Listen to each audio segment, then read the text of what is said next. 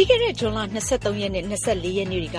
အာဏာရ NLD အမျိုးသားဒီမိုကရေစီအဖွဲ့ချုပ်ပါတီရဲ့ ဒုတိယအကြိမ် နိုင်ငံလုံးဆိုင်ရာ ပါတီညီလာခံ ကျင်းပခဲ့ပါတယ်။အချိန်တိုတိုအတွင်း ကျင်းပခဲ့တဲ့ ညီလာခံမှာ အစိုးရမူဝါဒ အောင်မြင်အောင်ဝန်းရံအားပေးရေး၊ဖွဲ့စည်းပုံပြင်ရေး အပါအဝင် ရှေ့လုပ်ငန်းစဉ် ၅ ရပ် ချမှတ်ခဲ့ပါတယ်။ဒီ ရှေ့လုပ်ငန်းစဉ် ၅ ရပ်ထဲမှာ ဖွဲ့စည်းပုံပြင်ရေး ဆိုတာဟာ ၂၀၁၂ ကြားဖြတ်ရွေးကောက်ပွဲ မဝင်ခင်ကတည်းက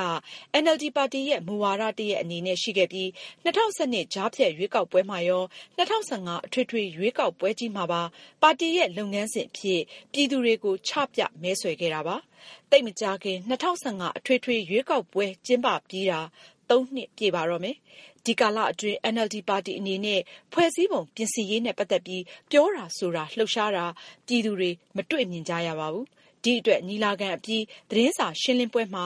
သတင်းထောက်တွေကလည်း NLD ခေါင်းဆောင်တွေကို အဲဒီ မေးခွန်း မေးခဲ့ကြပါတယ်။ NLD ပါတီ ဖွဲ့စည်းပုံ ပြင်ဆင်ရေး အကောင်အထည် ဖော်နိုင်ပါ့မလား ဆိုတာ ခုတစ်ပတ် လေ့လာသုံးသပ် တင်ပြသွားပါ့မယ်။အရင် ဗိုလ်ချုပ်မှူးကြီးသန်းရွှေ ဦးဆောင်တဲ့ စစ်အာဏာရှင် အစိုးရလက်ထက်မှာ သူတို့ စိတ်ကြိုက်ရေးဆွဲထားတဲ့ ၂၀၀၈ ဖွဲ့စည်းပုံ အခြေခံဥပဒေကို အတည်ပြုခဲ့ပါတယ်။အဲဒီအချိန်ကတည်းက NLD ဟာ ၂၀၀၈ ဖွဲ့စည်းပုံကို လက်ခံခဲ့တာ မဟုတ်ပါဘူး။ တကယ့်တကယ် ၂၀၀၈ ဖွဲ့စည်းပုံအခြေခံဥပဒေကို လေ့လာကြည့်ရင် ဒီမိုကရေစီစနစ်နဲ့ နည်းနည်းမှ လိုက်လျောညီထွေ မဖြစ်တဲ့အချက်တွေ အများကြီး တွေ့နိုင်မှာ ဖြစ်ပါတယ်။တပ်မတော်ဟာ တသီးတခြား ရပ်တည်ခွင့်ရပြီး ရွေးကောက်ခံအစိုးရရဲ့ စီမံခန့်ခွဲမှုအောက် ရှိမနေတာ၊သမ္မတ ရွေးချယ်ရာမှာ တပ်မတော်က မဲ ၂၅ ရာခိုင်နှုန်းကို ရယူထားတာ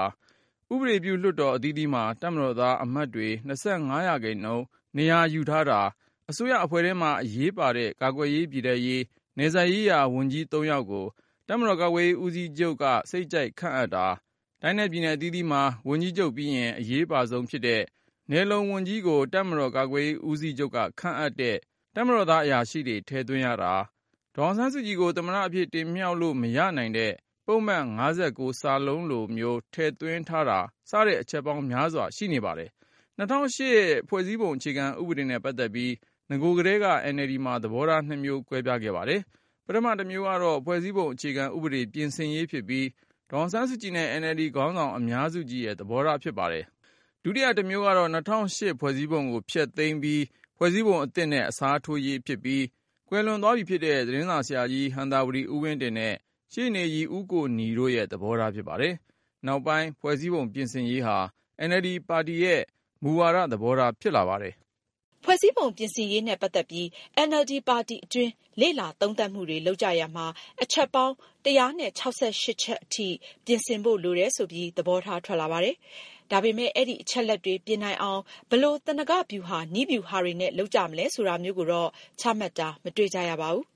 ၂၀၁၂ ကြားဖြတ်ရွေးကောက်ပွဲဝင် ဒေါ်အောင်ဆန်းစုကြည် အပါအဝင် NLD အမတ် ၄၀ ကျော် လွှတ်တော် အသီးသီးထဲ ရောက်ပြီးနောက်ပိုင်း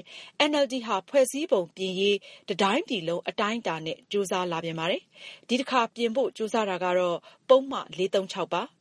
NLD ခေါင်းဆောင်တွေနဲ့ ဥပဒေပညာရှင်တွေက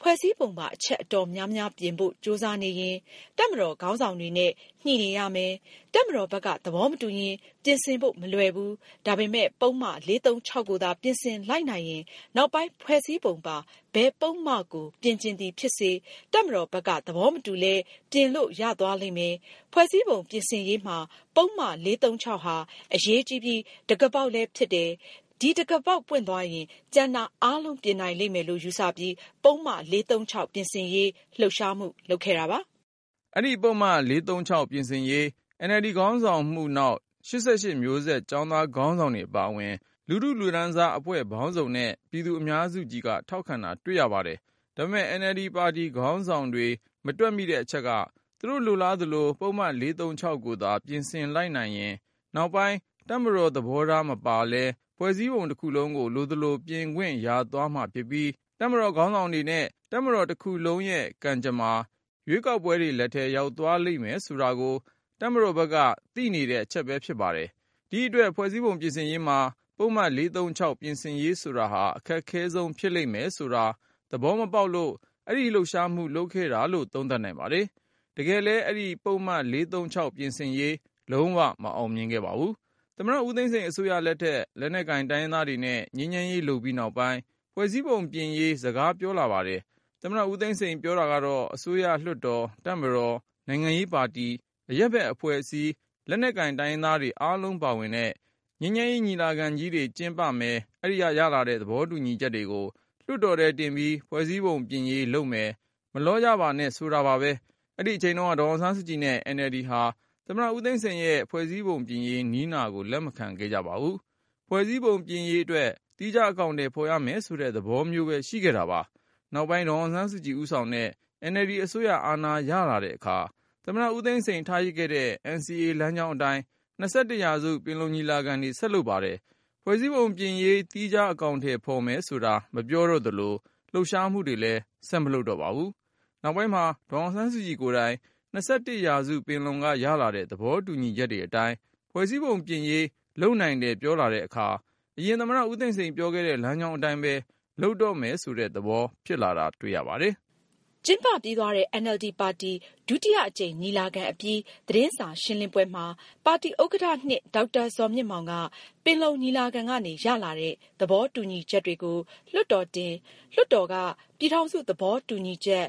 Union Accord တစ်ရပ်ချမှတ်ပြီး ဖွဲ့စည်းပုံပြင်သွားနိုင်တယ်လို့ ပြောဆိုခဲ့ပါတယ်။ဒီအချက်ကိုကြည့်လိုက်ရင် NLD ဟာ ဖွဲ့စည်းပုံပြင်ရေး သီးခြား လှုပ်ရှား ကြိုးစားသွားတော့မှာ မဟုတ်ပဲ ၂၁ ရာစု ပင်လုံညီလာခံ သဘောတူညီချက်တွေကနေ တဆင့်ပဲ ကြိုးစားသွားတော့မယ်လို့ မှတ်ယူရပြီး အချိန်အများကြီး ယူရဦးမယ် ဖြစ်ကြောင်းပါရှင့်